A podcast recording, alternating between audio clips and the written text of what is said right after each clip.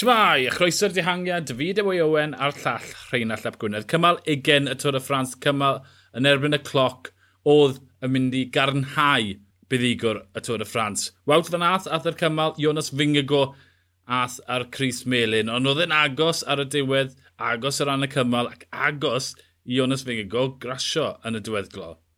Ie, yeah, ddim quite yn siŵr pam oedd e'n gwthio mor galed a hynny. Twa, digwyddodd rhywbeth tebyg i Geraint ar, ar gornel yn 2019 mm -hmm. a mhm. iddyn nhw mynd, Ca, calm it down boy, ti di mm -hmm. ennill, just yep. cyrraedd y linell, a mynd i di gadw'r Cris Melin na am weddill y os. Felly... Yn rili really agos.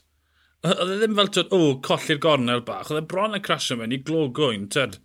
Ie, yeah, a gwbl wahanol i Geraint, achos oedd, oedd hwnna ar y fflat, ond oedd e, oedd e mm. just yn bach, bach yn sgiwyffro yeah. cornel, a bydde fe wedi bod syth lan off y baic, gallai hwnna wedi bod yn hunllef. Ie, yeah. ond, ta beth, Iymbo, perfformiad gwych arall gan y tîm heddi, ond i fach yn llodd wawt, achos bydde finga i dwy'n y cymal offe. Hwff, bydde ddim wedi bod yn hapus na bydde. Na, o ystyried yr hyn mae wawt wedi wneud ar ran y tîm, dros y dar wythnos diwetha, reit, ie, yeah, mae fe wedi gwisgo'r Cris Melin, mae fe wedi ennill o'i gymal, ond mae fe wir wedi bod, achub y ras mwy nag unwaith mm -hmm.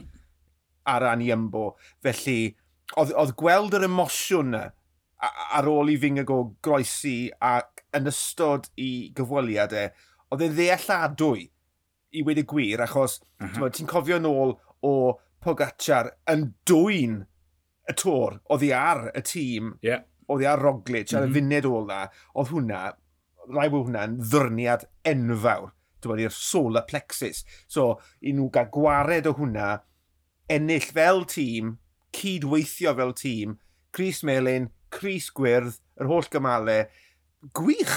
Wawt oedd yr un yn y, yn y llina, dy dwi'n mylan. Ie. Yeah. Yeah. Yn disgwyl o'r perfformiad yn anghydunio felly ie, yeah, mae yna graith yn y tîm, mae yna graith o fewn wawt fan at, ie. Yeah. Syni gweld yn llefen o'n hollol ddealladwy.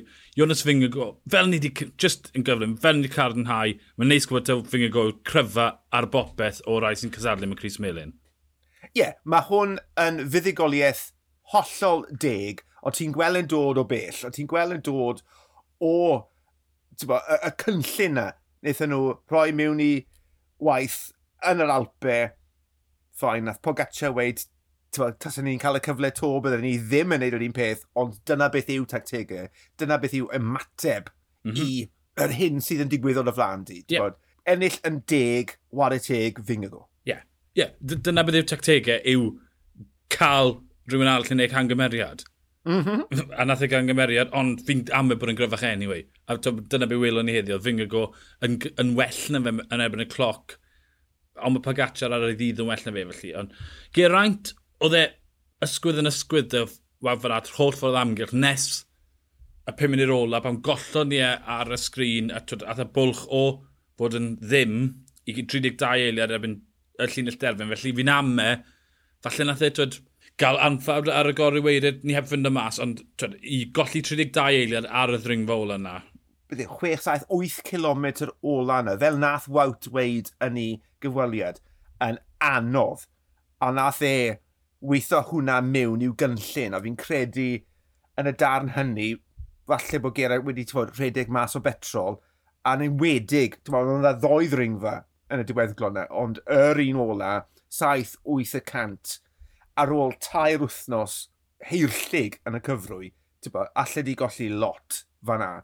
Ond fi'n credu gallu Geraint bod yn brod iawn o'i berfformiad, nid yn unig heddi, pedwerydd ond, ond dros y dau wythnos, ti'n ni'n sôn am ei oedran e 36, i orffen y podiwm. Yeah. Ti ôl i Fingago a Pogacar, ti'n dylse fe fod yn brod iawn. A, ti'n yn agos y ddiwedd i arfa, mae wedi dod yn gynta, yn ail ac yn drydydd yn y Tôr de France. Ti'n bod? Dim na ddim yn rhi siabi o, dwi e? Na. Um, a wel, welwn ni eto yn Tôr de France? Dwi'n ame. Hmm. Um, oh, just ro pwysau nhw ymlaen, cerri ceri'r ceri coble am na beth fi mo'n gweld. Na beth fi mo'n gweld. Sy'n mynd i fe i ennill... Dwi ddim yn mynd i ennill y Tôr y Ffrans tos, mae'r ddau arall na. Dwi ddim yn mynd i. Mae 8 munud yn gormod y fwlch. Felly, ie. Yeah. Pam lai? Clasuron! Coblog! Amdani! Cwbl o anodiadau cyflym. Flas o flaen i'r 5 safle oherwydd mm. Gath Cintana diwrnod gweddol ar, ar y baic meincydd dwrnod ofnad yn cwmpo i'r wythfed safle oherwydd bod Badau a Cintana wedi paso fe. Um, ond, to, mae'n fanylion hwnna. A dyna bydd oedd gweddill y deg eicha trwy gydol y Tôr y Ffrans. Y braidd camera yn nhw, achos nhw'n mas y cefn yn syth. Yn sicr, yn sicr. Uh, o'n i yn dawel bach yn disgwyl i flasoff neidio i fyny i'r bimed safle. Dyna'r unig ddiddordeb, really, oedd, oedd, oedd gyda ni o ran symudiadau yn y deg eicha achos er bod e'n yn agos at gallu ti fod at ddringwr pyr, mae'n glir i weld bod Flasov yn well na Cintana a Menkis yn erbyn y cloc. Method yna, rhaid fi gwadde. Um, Chris Gwyrdd, fan ati torri record Sagan dy diwrnod i fynd o ran pwyntiau 480 ac mae yna 50 pwynt ar y llinell fori galed iawn gweld unrhyw un yn yn cymryd unrhyw beth off Iambo, wawtio'r ffefryn fori ynddo fe. Oh, pam lai. Yeah. Bo, ni, ni wedi bod yn canu glodau dros y dair wythnos. Mae'n lle dringo, gret yn y cloc, gret yn y coble, gret yn gwibio. Do, o'n i'n cael trafodaeth bach da Dilwyn a, a Llion Iwan ar, ar um, y cyfryngau uh, yn eithwr. Ni'n tra, tra, trafod wawt ac wrth gwrs, bod, ar y gosa i ni wedi gweld at, at wawt yn hanes yw, ti'n bod, Sean Kelly, yn dyfe? yeah. Mhm, Ond y gwaniaeth yw, na Sean Kelly droi i olwg at rhasys cymalau yn eitha, eitha cynnar yn ei, yn ei yrfa a dyw wawt ddim wedi hyd yn hyn a, a, a beth nes i weid ar y raglen heddi amdano o'n i'n nes i weid, mae angen iddo fe golli pwysau, ond oedd e'n ddiddorol beth ti'n gweud. Achos bod e'n wech trodfedd, tri, mod, tri modfedd, bo, faint o bwysau gall y boi olli beth bynnag.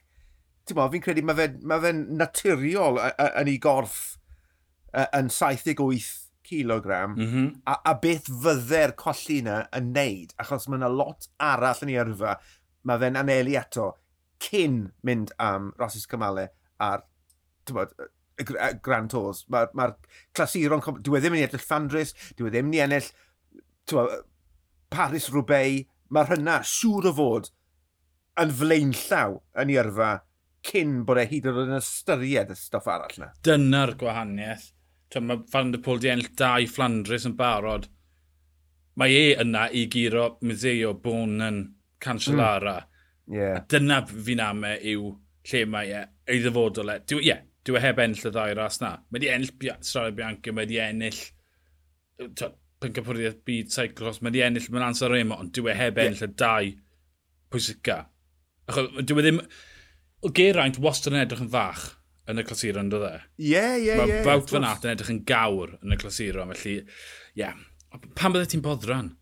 Mae'n just... E- mae'n rhi hwyr, mae'n rhy hwyr. Mae'n 27, troi'n 28. Yr holl waith na i, i newid y ffisioleg am rhywbeth gall ddigwydd. mae'n ormod o waith. Mae fe'n ma fe seren byth bynnag. Sdim eisiau fe wneud e. Sdim eisiau fe wneud e, ond falle wneud e. Ond beth sy'n sicr, Jumbo wedi domineiddio'r Tôr y Ffrans. Ni'n mynd i siarad mwy yn penod nos fori amdano digwyddiadau Tôr y Ffrans. Mae'n rhyfeddol os maen nhw'n enll fori, maen nhw wedi enll trydydd y cymalau, mm. ond mae wedi bod mor agored. Twyd, mae dominyddiaeth un tîm, ond mae wedi bod gymaint o Tôr y Ffrans, Tôr y Ffrans i'r oesodd. Mi wnaethon ni wedi'r cymal fori i drafod digwyddiadau'r holl Tôr y Ffrans. Mae fi Dewi Owen a'r llall Rhain y Lep Gwynedd, ni'r dihangiad, hwyl.